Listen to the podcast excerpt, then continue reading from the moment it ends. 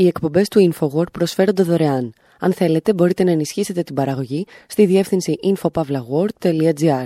Η διεύθυνση infopavlagor.gr. Η εκπομπή InfoWord με τον Άρη Χατζηστεφάνου.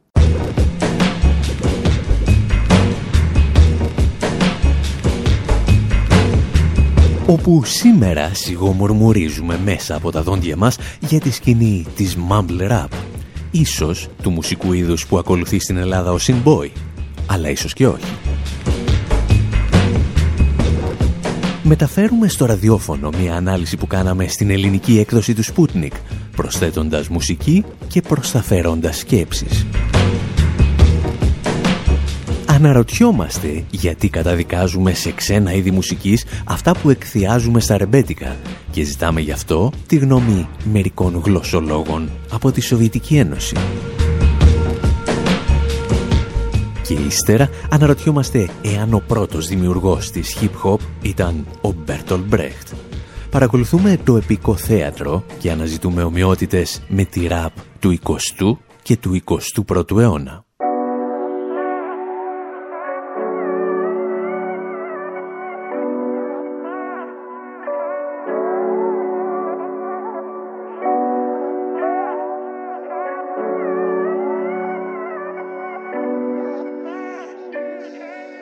Και έχω στη στροφή και με ρωτάνε μαμά. Και δεν είναι μαμά. Να με βρουν οι μπάτσοι ψάχνουν ξανά. Θα μες στο Παναμά Που κανένα δεν παίρνω ποτέ σοβαρά. Έτσι μου πεις μαμά Και έχω στη στροφή και με ρωτάνε μαμά. Και δεν είναι μαμά. Μαμά όχι δεν είναι μαμά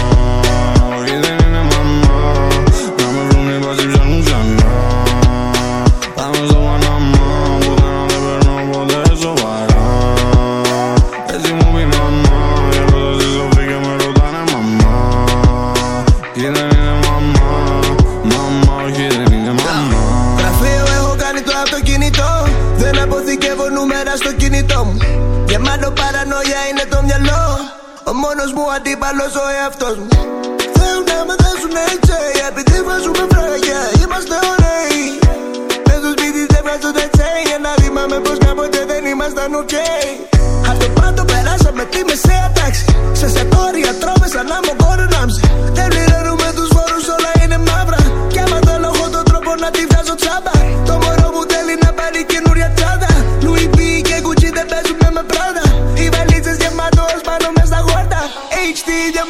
μάτια λάμπου σαν να είναι φώτα. Και έχω στη στροφή και με ρωτάνε μαμά. Και δεν είναι μαμά.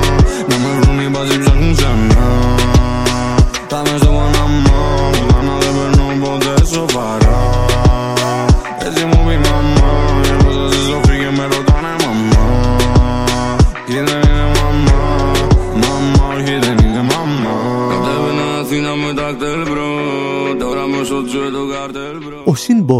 παρουσιάζει το «Μαμά» με ερωτηματικό και με αυτό τινάζει στον αέρα τους μετρητές θέασης του YouTube. Τη βγάζω από τα raps bro Ψάχνουνε παντού μέχρι τα Προφανώς το συγκεκριμένο τραγούδι δεν θα είχε απασχολήσει τη συγκεκριμένη εκπομπή εάν η κριτική που του ασκήθηκε δεν ήταν ενίοτε βαθιά ποτισμένη στο ρατσισμό.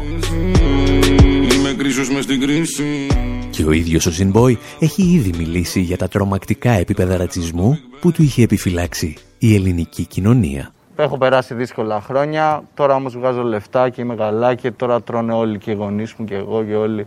Έχω περάσει εποχές να τρώω ψωμί με λάδι και αλάτι. Αλβανοί θα το καταλάβουν αυτό, να ξέρεις πολλοί μετανάστες Αλβανοί το έχουν περάσει αυτό το στάδιο, το έχω περάσει και εγώ Ε, ρατσισμό έχεις βιώσει στην Ελλάδα; πάρα πολύ. Πάρα πολύ. Πάρα πολύ. Ναι, στο δημοτικό, π.χ. δεν με θέλαν τα μου. Δεν με θέλαν οι γκόμενες επειδή ήμουν Αλβανός, ξέρω εγώ. λέω. Οι γονείς τους, ξέρω εγώ, μην τον κάνεις παρέα αυτό. Είναι Αλβανός, ας πούμε. Θέλουν να σε βλέπουν, να πεινάς. Δεν θέλουν να σε βλέπουν, να νίκας. Η μάνα μου μου είπε γε μου μη σταματάς Τους κάνεις ευτυχισμένους άμα πονάς. Μάνα μη σκάς και μη ξεχνάς. Το κάνω για ένα καλύτερο μέλλον για μας. Θέλουν να σε βλέπουν, να πεινάς. Δεν θέλουν να σε βλέπουν Οι πουστίδες να νίκας Κάποιοι παρουσιάζουν τον κατακόσμο Αγκουστίν Γκέγκα ή Θοδωρή Γκέγκα σαν Αλβανό fake rapper, σαν εκπρόσωπο της γενιάς του τίποτε. Και έτσι κρυβούν τα ρατσιστικά του σχόλια πίσω από μια δίθεν καλλιτεχνική κριτική. Στο μυαλό μου μέσα το γεγονός ότι στα τραγούδια του «Μουρμουρίζει» παρουσιάστηκε σαν απόδειξη μιας πολιτισμικής παρακμής. Της παρακμής μιας γενιάς που βυθίζεται στα ναρκωτικά και μετρά την επιτυχία της σε γκάτζετ και λοιπά καταναλωτικά προϊόντα. Αυτό που ελάχιστοι παρατήρησαν όμως είναι ότι η κριτική που δέχεται είναι σχεδόν πανομοιότυπη με τα σχόλια που αντιμετώπιζαν οι μαύροι καλλιτέχνες στις Ηνωμένες Πολιτείες οι οποίοι εκπροσωπούσαν το ίδιο μουσικό είδος, την Mumble Rap, για την οποία θα μιλήσουμε σήμερα.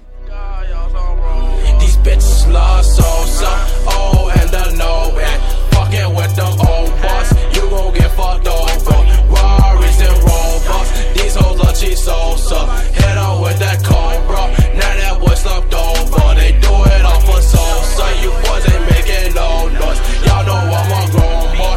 Yo, clip full of bro boys. Got y'all some robots. Got y'all some robots. We GBE dope boys. We got lots of dope boys. Slide Sosa.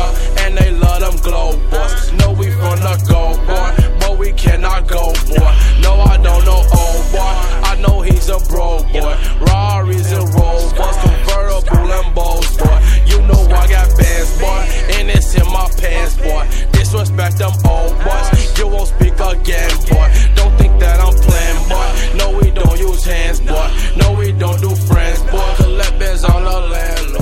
Ο Chief Keef, τον οποίο ακούτε εδώ, θεωρείται από ορισμένους ως ο πατέρας της Mumble Rap. Ίσως γιατί σε κάθε του λέξη τρώει και μερικά γράμματα. Και ενώ ο Chief Keef θα γεννηθεί στις εργατικές γειτονιές του Νότιου Σικάγου, η Mumble Rap θα ενηλικιωθεί στην Ατλάντα της Τζόρτζια. Μακριά δηλαδή από τις παραδοσιακές μητροπόλεις της hip hop όπως η Νέα Υόρκη ουσιαστικά θα αποτελέσει υποκατηγορία της trap σκηνής, η οποία εξυμνούσε το μικρό εμπόριο ναρκωτικών στα αμερικανικά γκέτο.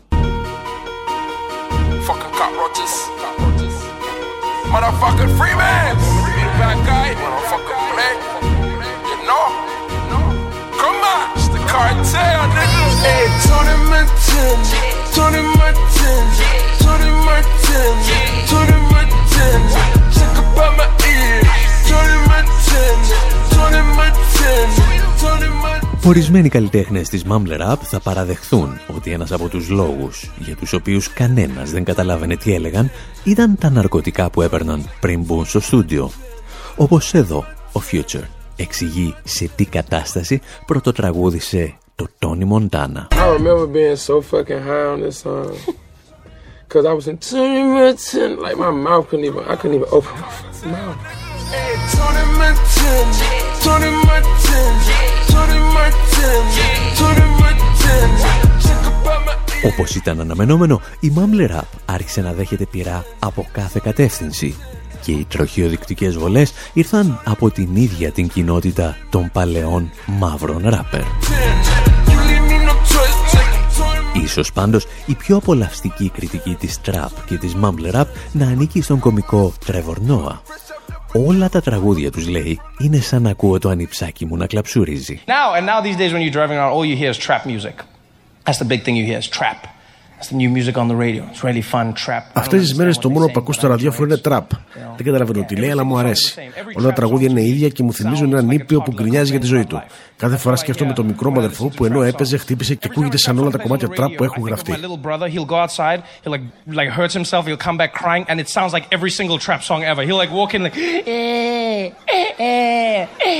And I'll be like, yo, Isaac,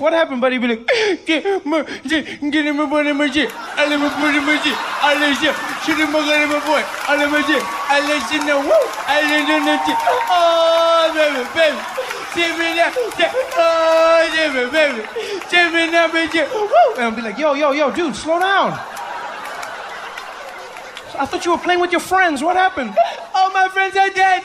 With me to the end. Παρόλα αυτά, πίσω από τη σκληρή κριτική που θα δεχθεί η τραπ και κυρίως η mumble rap, ορισμένοι μουσικοκριτικοί, γλωσσολόγοι αλλά και κοινωνιολόγοι θα εντοπίσουν κάτι ενδιαφέρον. Και για να το εξηγήσουν θα καταφύγουν σε θεωρίες γλωσσολογίας που αναπτύχθηκαν στη Σοβιετική Ένωση.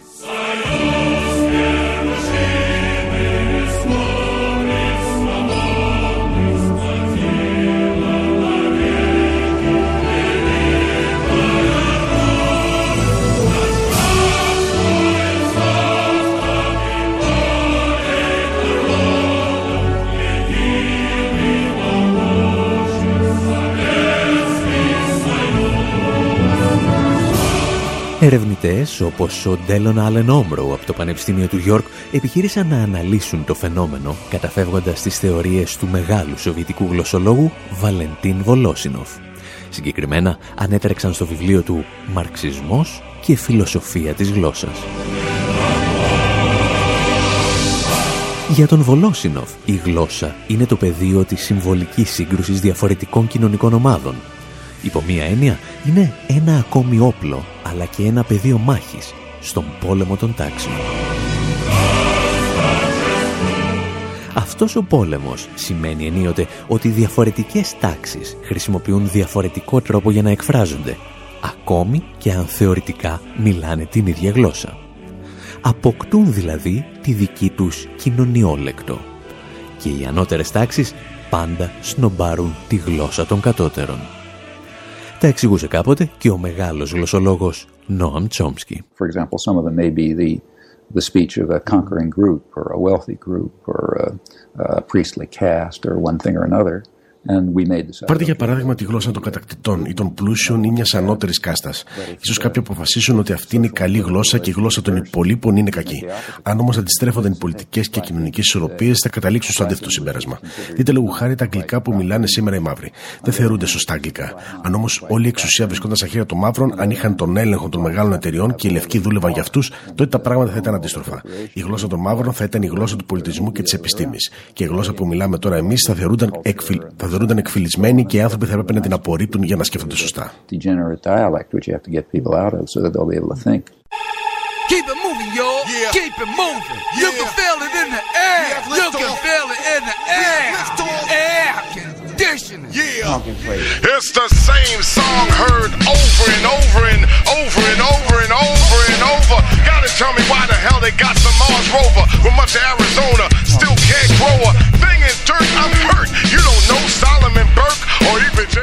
Αυτή η αντιπαράθεση στην οποία αναφέρεται ο Τσόμσκι θα παίξει καθοριστικό ρόλο στην ανάπτυξη της γλώσσας στις Ηνωμένες Πολιτείες, αλλά και στην φιλετική και εν τέλει την ταξική σύγκρουση των μαύρων με τους λευκούς. Και μέσα από αυτή τη σύγκρουση θα γεννηθεί και η hip hop. Τα εξηγούσε ο rapper Blue, μιλώντας για τη γλώσσα των μαύρων.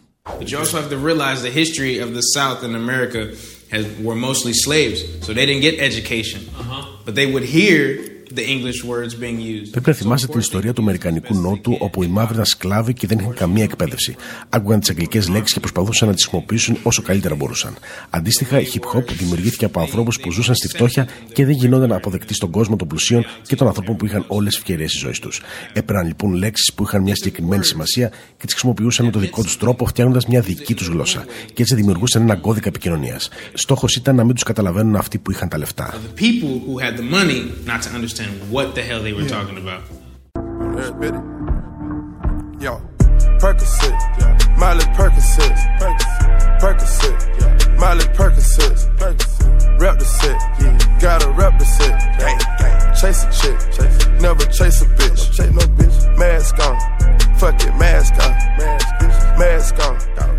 Το να μην σε καταλαβαίνουν λοιπόν όταν τραγουδάς δεν είναι αναγκαστικά το αποτέλεσμα ραθυμίας ή παρακμής. Μπορεί να είναι ένας μυστικός κώδικας και παράλληλα μια αμφισβήτηση της κυρίαρχης τάξης και της γλώσσας που αυτή χρησιμοποιεί.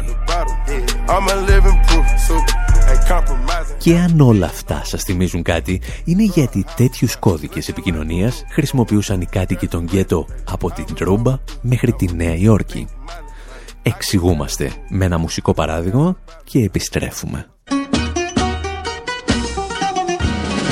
Άιντα λαφουμέντο και μαστούργιο με τεγκόμενετε όντε και και η αγγέλο πατημέντο φλοκονταργελέ Άμα βρεις καμένα το σπίτι Τα γυρνάς από τη δουλειά. Να σε κάνουνε να ψηφίσεις Αυτό που δεν πρέπει στα τύφλα. Μαζί μου κάνεις λάθος να παίξεις. Δεν έπρεπε να μπλέξεις. Κάνεις λάθος να παίξεις. Δεν έπρεπε να μπλέξεις. Δεν έπρεπε να μπλέξεις. Κάνεις λάθος να παίξεις. Όμως εδώ μπροστά μου καλύτερα να τρέξεις. Παγάδα φλόμουν με ψέμα. Να γράμια το αντένα. Δημοσιογράφο άμα δείτε στο δρόμο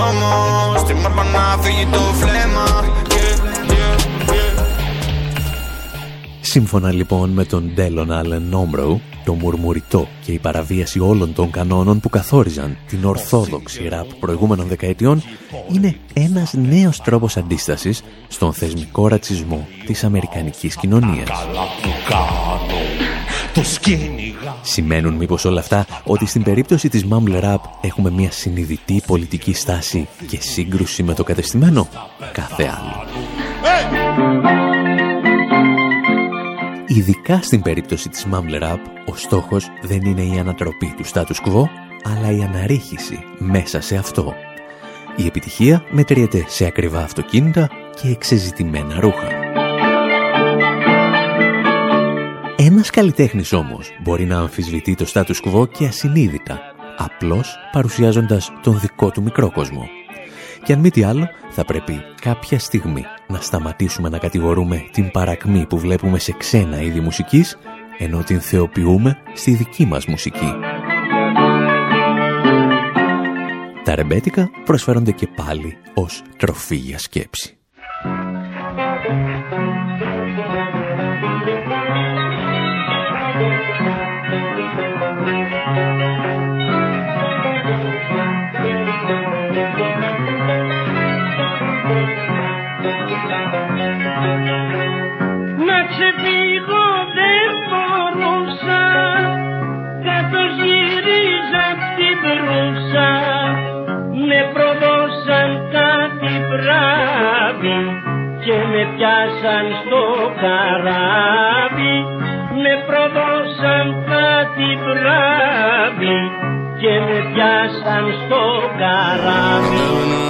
Αθήνα με τα ΚΤΕΛ bro. Τώρα μέσα στο καρτέλ bro. Μπάτσοι ψάχνουνε το αυτοκίνητο. Είμαι καθαρός δεν έχω κίνδυνο. Νομίζουν βγάζω φράγκα από τα drugs bro. Δεν ξέρουν ότι βγάζω από τα raps bro. Ψάχνουνε παντού μέχρι τα ίδια μου. Πάντα όμως φέρνουνε τα ίδια μου. Είχα ράψει στο σακάκι. Δυο σακούλες με μαυράκι. Και στα κουπιά μου ως τα μπούνια Και στα κουπιά μου τα κούνια Ηρωίνη ως τα μπούνια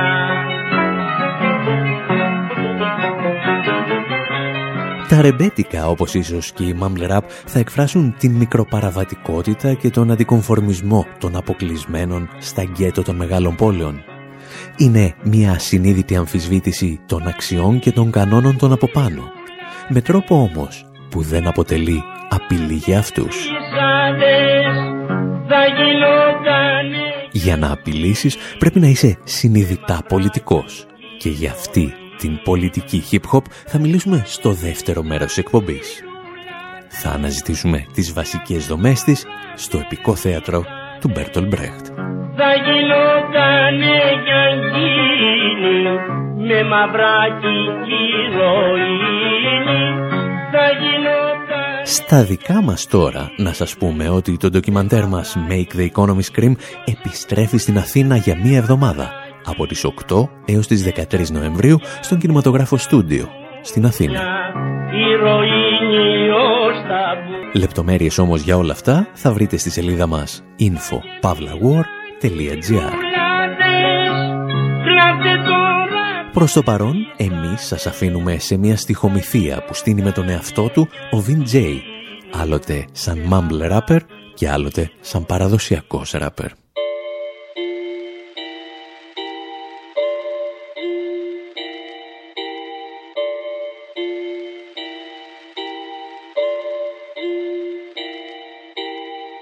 Know that I'm running the game, yeah. Purple is all in my veins, yeah. Copping a couple of chains, whoa. Throw it, I'm making it rain. Yo, how come everybody in the game wanna rap like you with the played out flow? I've been in the back, killing every damn track, and the rhymes all whack. How the fuck y'all blow? Well, this shit is all that I know. Uh, rapping about bitches and clothes, yeah. Getting unlimited hoes, whoa. All of my diamonds are Now you rap with venom and then you pack the rhythm, and every track will hit them and you blow. But you whack a little bit, don't stack the syllables, you have to hit them with new flows. Like, nah, homie, I'm in it for cash, just wanna get me a bag, yeah, yeah. Tell them I whip in the jag, and I be popping in packs. Like, nah, everybody rap like that, everybody wanna make a track like that. Everybody else in the game saying the goddamn same, and you all kill a rap like that. Like, where the wordplay and the metaphors at? What y'all make, I can never call rap. Big L, big pun, I'ma get them all back. And you mumbling motherfuckers, the better fall back. Nah, homie, it's not gonna change. Clearly, we running the game. Talking about women and change. Dropping this shit that be numbing your brain is fucking insane.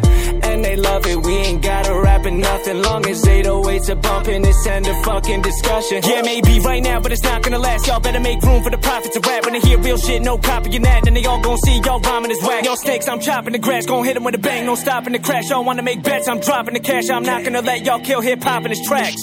But we ain't even kill it, it's evolved. Fuck the ones who came before us, I'ma show them how to ball. It's not evolution, y'all better cool it. Fuck mumble rap, we need a better movement, more real shit and way less pollution. Stop making music, that's the best solution. Y'all think you dope, but that's just delusion. Say you will, but y'all don't ever prove it. I'm the leader of the fucking revolution. Go get prepared for y'all execution. Everybody wanna talk about the money and the women that they be getting, but wanna kill them when they rap. Everybody wanna be the Mac of the game, but you rapping the same and I put them on the back. Everybody wanna be the best out, wanna find the best rap. Follow me, I put them on the map. If you really wanna be the best in the game, stop rapping like everyone else on the track. Homie, that's all that they want. Loving the money I flaunt. Yeah, yeah, keeping it short. Don't gotta give it a thought. Only the shit that I bought. Fuck that, you gotta stay different. Y'all think it's happy, y'all straight tripping. I'm off the chain of my blade spinning. Y'all in the club with my paint dripping. I'm a fucking artist who's done with all this straight whack shit, so I'm busting on this. Y'all leaned out, but y'all suck regardless. Run up on them, feeling fucking lawless. Better tuck your chain and fucking run your wallets. You are now looking at the youngest prophet who be killing rappers. Got no other option, yeah, they got green, but I'm a fucking goblin. Tell whatever your man felt, sensei with the rhymes, so give me the black belt. Got flame in the vibes, I'm making a track melt. Going all in, dog, whatever the hand dealt. Like Hogo, tell a bitch I flow so venomous. I bomb bomb, hit him with the stone cold evidence. I flow so relevant, to show no benefit. A low blow, bring him with a popo, never been. Mumble rapper, shut your fucking mouth. Fall back, don't make another sound. Telling me to fucking dumb it down, but I'ma buck 'em all. I got a hundred rounds, like bleh. Fuck it, I guess what I'm trying to say is that I miss the days when MCs would kill it and blaze a track. When flows were different and everybody would state some facts. And I ain't saying I'm the best, just trying to save rap.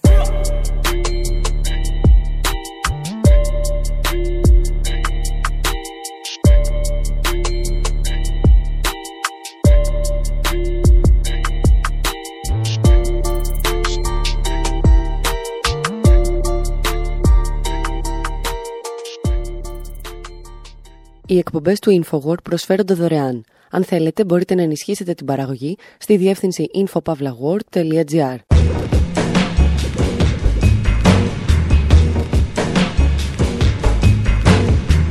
Εκπομπή InfoWord μέρος δεύτερο όπου αφού μουρμουρίσαμε σε ρυθμούς mumble rap επιστρέφουμε στη hip hop την ορθόδοξη. Αναρωτιόμαστε εάν ο Μπέρτολ Μπρέχτ ήταν ο πατέρας της hip-hop μουσικής κουλτούρας και ζητάμε γι' αυτό τη γνώμη των Public Enemy και των Dead Prez. Δίνουμε μάχη για να αποδείξουμε ότι η hip-hop δεν ανήκει στο μεταμοντέρνο όπως ισχυρίζονται ορισμένοι, αλλά συνδέεται περισσότερο με το επικό θέατρο.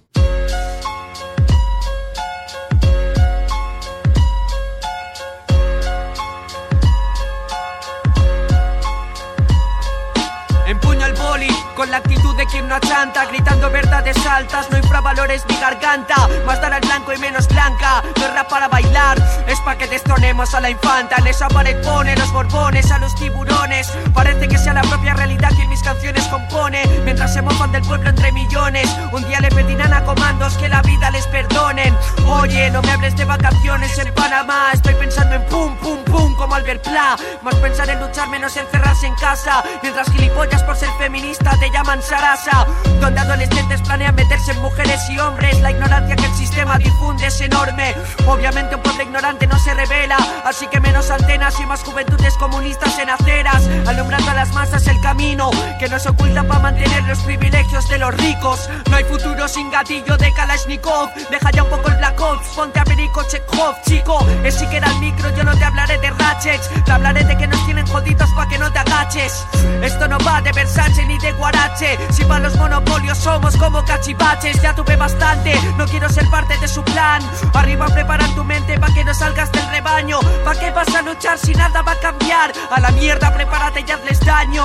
Medios revolucionarios, no tu revista. Ο Ισπανός ράπερ Seeker ML μας καλεί να υπερασπιστούμε το προφανές, όπως κάνει λέει και ο Μπέρτολ Μπρέκτ.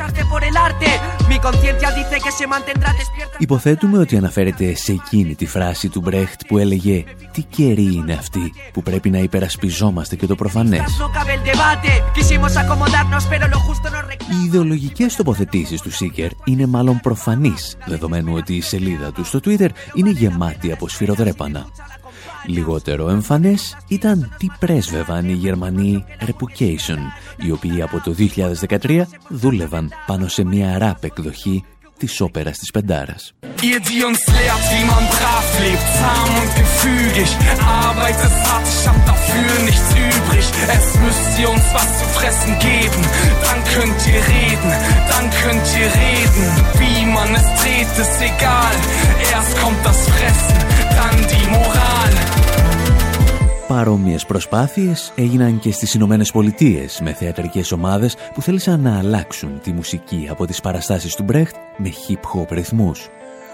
Εμάς όμως σήμερα δεν μας ενδιαφέρουν οι καλλιτέχνες που βάζουν ο λίγο από ραπ στο θέατρο, αλλά να δούμε εάν και κατά πόσο ολόκληρη η hip-hop σκηνή έχει στοιχεία που μπορούν να συνδεθούν με θεατρικά εργαλεία του Μπρέχτ. Και για να απαντήσουμε θα χρειαστούμε τη βοήθεια συγκροτημάτων όπως η Dead Press, τους οποίους ακούμε να υποστηρίζουν ότι κάποιος τους κήρυξε τον πόλεμο. Και εμείς επανερχόμαστε. RBGs. Know what I mean? It's war. Know what I mean? Yo, stick. I mean, shit be real on the block. Pigs be out there, occupied army. RBGs, it's a takeover, not a makeover. Yeah. The cops stop you just because you black, that's war. Run you through the system for your prince, that's war. When they call my hood a drug zone, that's war. Slum lord charging you for rent, that's war. Why they so rich and we poor, that's war. If you young and black, you sell crack, that's war. The White House is the rock house, that's war. George Bush coming out his mouth, that's war. Chilling on the corner with your gang, that's war. Pope will do the same damn thing, that's war. When they murdered I'ma do the yellow, that's war. Marching in the streets is a strategy of war. Knowing self-defense is a strategy of war. Soldiers try to link with other soldiers in the war. Revolutionaries got to know the art of war. War, what about hip hop? Use that. Matter of fact, fuck a rap battle. What about a gap battle? Let's take it to the beast and see which cat tattle. Is it Kiss versus Beans or P versus Hove? What about y'all real niggas against the 5 This is M1 DPs, don't you forget. Cause you can talk, talk, talk, but that don't mean shit. I ain't gotta pop your top to see where your brains went. This rap shit is way bigger than entertainment. It's the people versus the pigs when it all go down. It's not pop versus big, it's who's getting the power. And power ain't money, dog, it's self-determination. Like taking hot and making it the real people station that's war. Nah, I mean. Όταν οι μπάτσι με σταματάνε μόνο επειδή είμαι μαύρος, αυτό είναι πόλεμος. Όταν είναι αυτοί πλούσιοι και εμείς τόσο φτωχοί, αυτός είναι πόλεμος, τραγουδούν οι Dead Press και συνεχίζουν. Και όταν διαδηλώνει στους δρόμους, είναι πόλεμος και οι επαναστάτες πρέπει να γνωρίζουν την τέχνη του πολέμου. WRBG People's Radio, turn off the radio, turn off that bullshit. I'm close to the edge, don't push me. I'm close to the edge, don't push me. Οι Dead Press συμπλήρωσαν πέρυσι δύο δεκαετίες ύπαρξης και όπως διαβάζει κανείς ακόμη και στην Wikipedia έγιναν γνωστοί για τους σοσιαλιστικούς τους λέει στίχους. Επίσης, την στήριξη σε οργανώσεις όπως οι Μαύροι Πάνθυρες και την αντίθεσή τους στα συμφέροντα των μεγάλων δισκογραφικών. Ο λόγος όμως που εμείς τους επιλέξαμε είναι ελαφρώς διαφορετικός. Η έμπνευση μας ήρθε από μια εργασία του πανεπιστημιακού George Macher από το Πανεπιστήμιο του Berkeley στην Καλιφόρνια. Η εργασία είχε τον τίτλο «Η μπρεχτική hip hop» και τον ακόμη πιο ενδιαφέροντα υπότιτλο «Διδακτισμός και αυτόνομη παραγωγή στα μεταγκάγκστα πολιτικά mixtapes». Και όποιος κατάλαβε, κατάλαβε. Για την ιστορία ο Μάχερ έγινε παγκοσμίως γνωστός όταν έγραψε στο Twitter ότι για αυτά τα Χριστούγεννα θα ήθελε ο Άι Βασίλης να του φέρει μια γενοκτονία των Λευκών. Σατήριζε δηλαδή τους ναζιστές υποστηρικτές του Ντόναλντ Τραμπ. Ο Μάχερ στην εργασία του υποστηρίζει ότι η hip-hop δεν είναι ένα μεταμοντέρνο ρεύμα όπως υποστηρίζουν ορισμένοι, αλλά συνδέεται πολύ περισσότερο με τον μοντερνισμό του Μεσοπολέμου. Και εκεί, λέει, συναντά το έργο του Μπέρτολ Μπρέχτ. Το πρώτο κοινό χαρακτηριστικό που εντοπίζει είναι το γεγονός ότι στη hip-hop χρησιμοποιούνται ολόκληρα τμήματα άλλων μουσικών έργων. Κάτι που στον Μάχερ θυμίζει έντονα το κολάζ που συναντάμε στην εποχή του Μπρέχτ και κυρίως τον κυβισμό.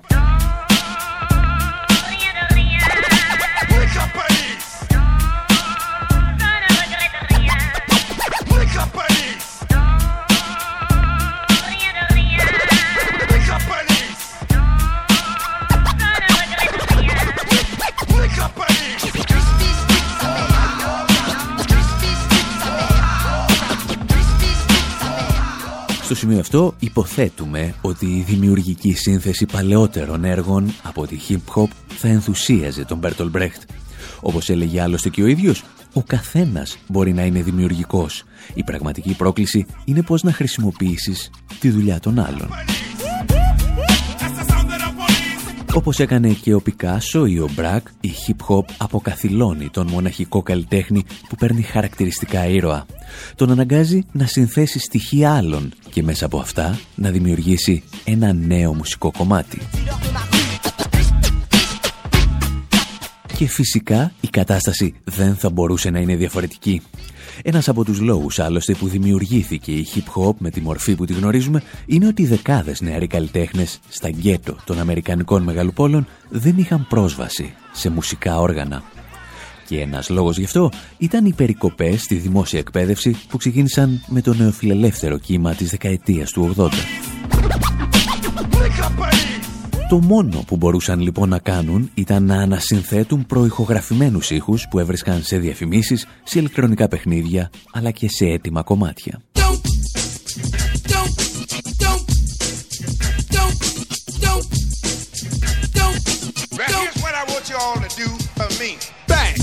Caught you looking for the same thing. It's a new thing. Check out this I bring. Uh-oh, the roll below the level cause I'm living low next to the base. Come on! Turn up the radio.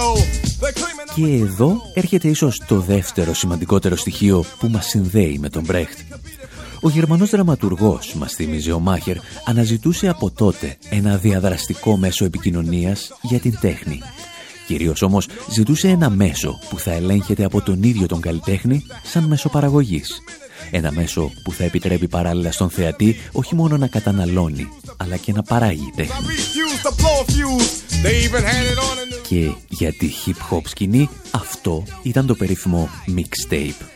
Θεωρητικά, ο όρος mixtape δημιουργήθηκε για να περιγράφει την επιλογή των τραγουδιών που γράφαμε σε κασέτες και κολλάγαμε απ' έξω την ετικέτα «Ξένα διάφορα». Όπως εξηγούσε όμως ο δημοσιογράφος Jared Ball στο Real News Network, γιατί hip hop ήταν κάτι περισσότερο.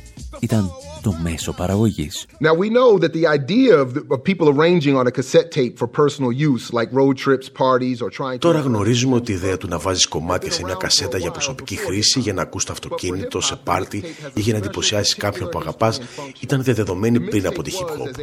Αλλά για τη hip hop το mixtape έχει τη δική του ιστορία και λειτουργία. Το mixtape ήταν, όπως είχε πει κάποτε η Angela Arts, το πρώτο μέσο μαζικής επικοινωνίας της hip hop. Άλλοι έχουν επισημάνει ότι χωρίς το mixtape δεν θα είχε υπάρξει ποτέ η βιομηχανία βιομηχανία της ραπ, εντοπίζοντας εδώ και μια αντίφαση. Όλοι υποστήριξαν ότι το mixtape μπορεί να είναι ένα μέσο αντικαθεστωτικής επικοινωνίας.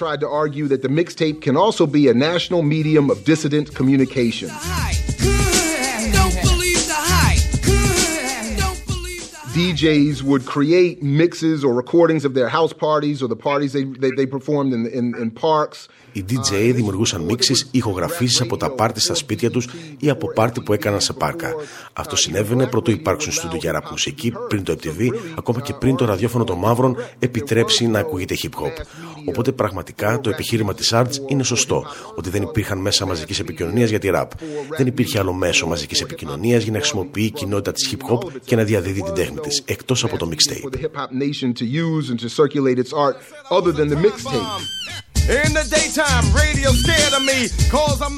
Και αν εσείς πιστεύετε ότι ο Μπρέχτ δεν θα ενθουσιαζόταν με αυτό το πέρασμα των κοινωνικών και οικονομικών σχέσεων στην τέχνη, αλλά και στην προσπάθεια ελέγχου των μέσων παραγωγής από τον καλλιτέχνη, ακούστε λίγο ακόμα Dead Press να συνέλθετε και επανερχόμαστε.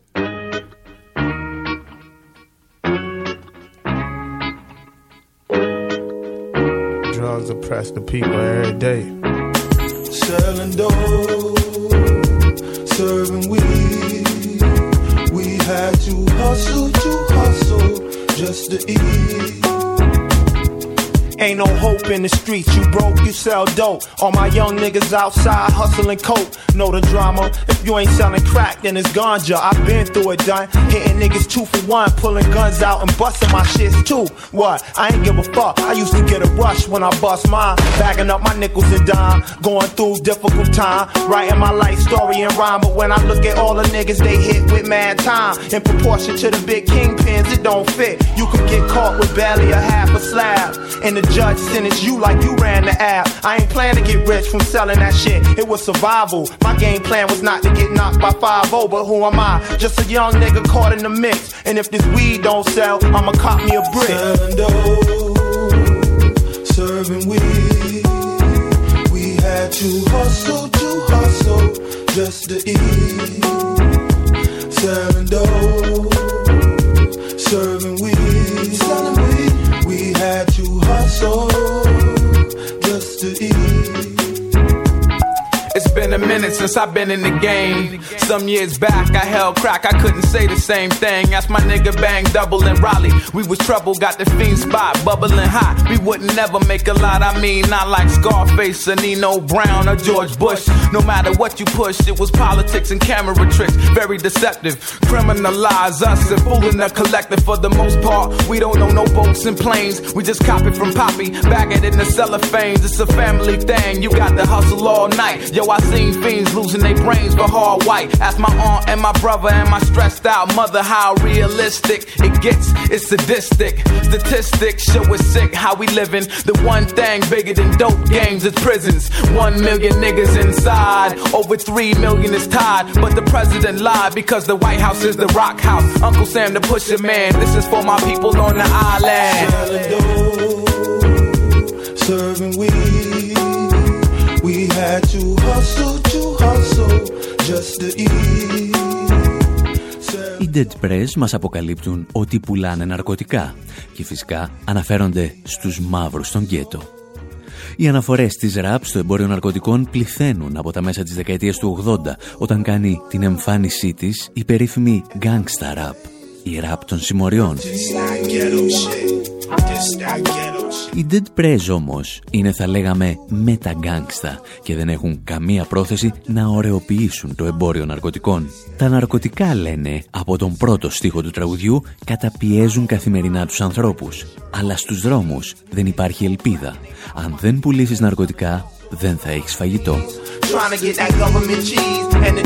Χωρίς ίσως να το γνωρίζουν, μας λέει ο George Maher, οι Dead Press κάνουν πράξη μια φράση του Brecht από το 1930, πως μόνο αν διδαχθείς από την πραγματικότητα μπορείς να την αλλάξεις.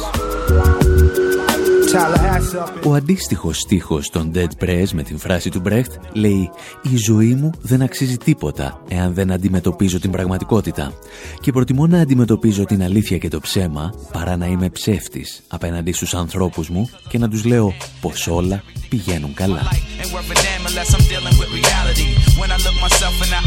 Just me, and I ain't gotta tell nobody no lies. I feel free, and I would rather deal with the truth than falsehood than being fake with my people and claiming it's all good. You can't run away from yourself, so that's useless. If your word is bond, then you don't have to make excuses. Every time I look around. Όπως και στο προηγούμενο κομμάτι για τα ναρκωτικά, οι Dead Press κατανοούν απόλυτα τις καταστροφικές συνέπειες που έχουν τα ναρκωτικά για την κοινότητά τους. Κατανοούν όμως και τους νεαρούς μαύρους που συμμετέχουν στα κυκλώματα εμπορίας γιατί δεν έχουν άλλη επιλογή. Ίσως οι δικοί τους ήρωες να θυμίζουν την μάνα κουράγιο του Μπρέχτ. Γνώριζε και αυτή ότι ο πόλεμος σκοτώνει τα παιδιά της, αλλά ζητούσε τη συνέχισή του γιατί αυτό ήταν το μοναδικό μέσο επιβίωσης που διέθετε. Ο Μπρέχτ δεν μας ζητούσε να ταυτιστούμε με την πρωταγωνίστρια. Αντιθέτως, έκανε ό,τι περνούσε από το χέρι του για να κρατήσουμε αποστάσεις από αυτήν. Όπως και οι Dead Press. Δεν μας ζητούν να δικαιολογήσουμε όσους πουλούν αργοτικά στα γκέτο, μόνο να κατανοήσουμε τις πολιτικές και κυρίως οικονομικές συνθήκες που τους οδηγούν εκεί. Οι Dead Press λοιπόν απορρίπτουν την gangsta rap η οποία με τη σειρά της είχε αρνηθεί τον πολιτικό στίχο των πρώτων hip-hop τραγουδιών. Είναι και αυτό, αν θέλετε, μια μορφή από αυτό που στον διαλεκτικό ελισμό θα αποκαλούσαμε άρνηση της άρνησης. Και ο Μπρέχτ, πιστέψτε μας, θα το λάτρευε. YG and Nipsey Hussle's video got shut down by cops for an anti-Trump song that's called Donald Trump. I think we got kicked out because we're a group of black people and like I guess people what's going on in America they're afraid we're going to say something or do something. Κάπου εδώ όμως θα σας αφήσουμε και για αυτή την εβδομάδα. Από τον Άρη Χατζηστεφάνου στο μικρόφωνο και τον Δημήτρη Σαδόπουλο στην τεχνική επιμέλεια, γεια σας και χαρά σας. Fuck Donald Trump. Fuck Donald Trump. Yeah, nigga, fuck Donald Trump. Yeah, yeah, fuck Donald Trump. Yeah, fuck Donald Trump. Yeah, fuck Donald Trump. Yeah, nigga, fuck Donald Trump. Yeah, yeah, fuck Donald Trump. Yeah. I like white folks, but I don't like you. All the niggas in the hood wanna fight you. Surprise El Chapo ain't tried to snipe you. Surprise the nation of Islam ain't tried to find you.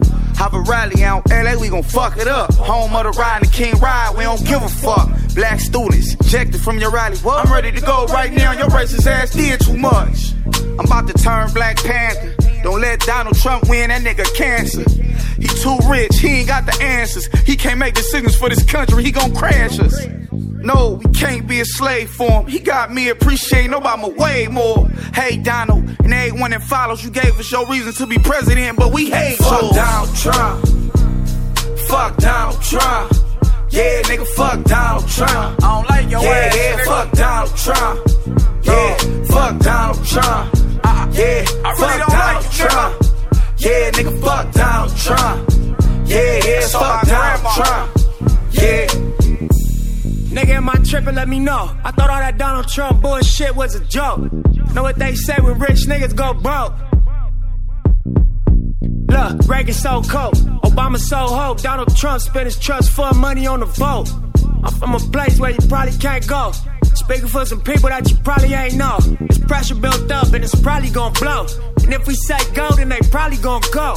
You vote Trump, then you probably on dope. And if you like me, then you probably ain't know. And if you been in jail, you could probably still vote. If we let this nigga win, we gon' probably feel broke. You build walls, we gon' probably dig holes. And if your ass do win, you gon' probably get smoked, fuck nigga. Donald Trump. Fuck you. Fuck Donald Trump. Yeah, nigga, fuck Donald Trump. Yeah, yeah, fuck Donald Trump. Yeah, fuck Donald Trump. Yeah, fuck Donald Trump. Yeah, nigga, fuck Donald Trump. Yeah, yeah, fuck Donald Trump. Yeah. I will build a great, great wall on our southern border, and I will have Mexico pay for that wall. Yeah. Mark my words. Yeah.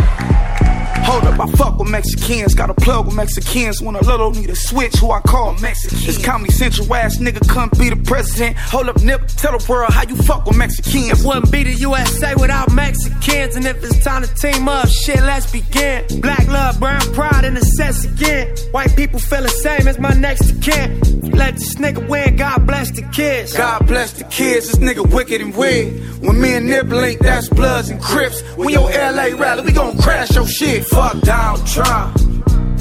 Fuck Donald Trump. Yeah, nigga, fuck Donald Trump. Yeah, yeah, fuck Donald Trump. Yeah, fuck Donald Trump. Yeah, fuck Donald Trump. Yeah, nigga, fuck Donald Trump. Yeah, yeah, fuck Donald Trump. Yeah.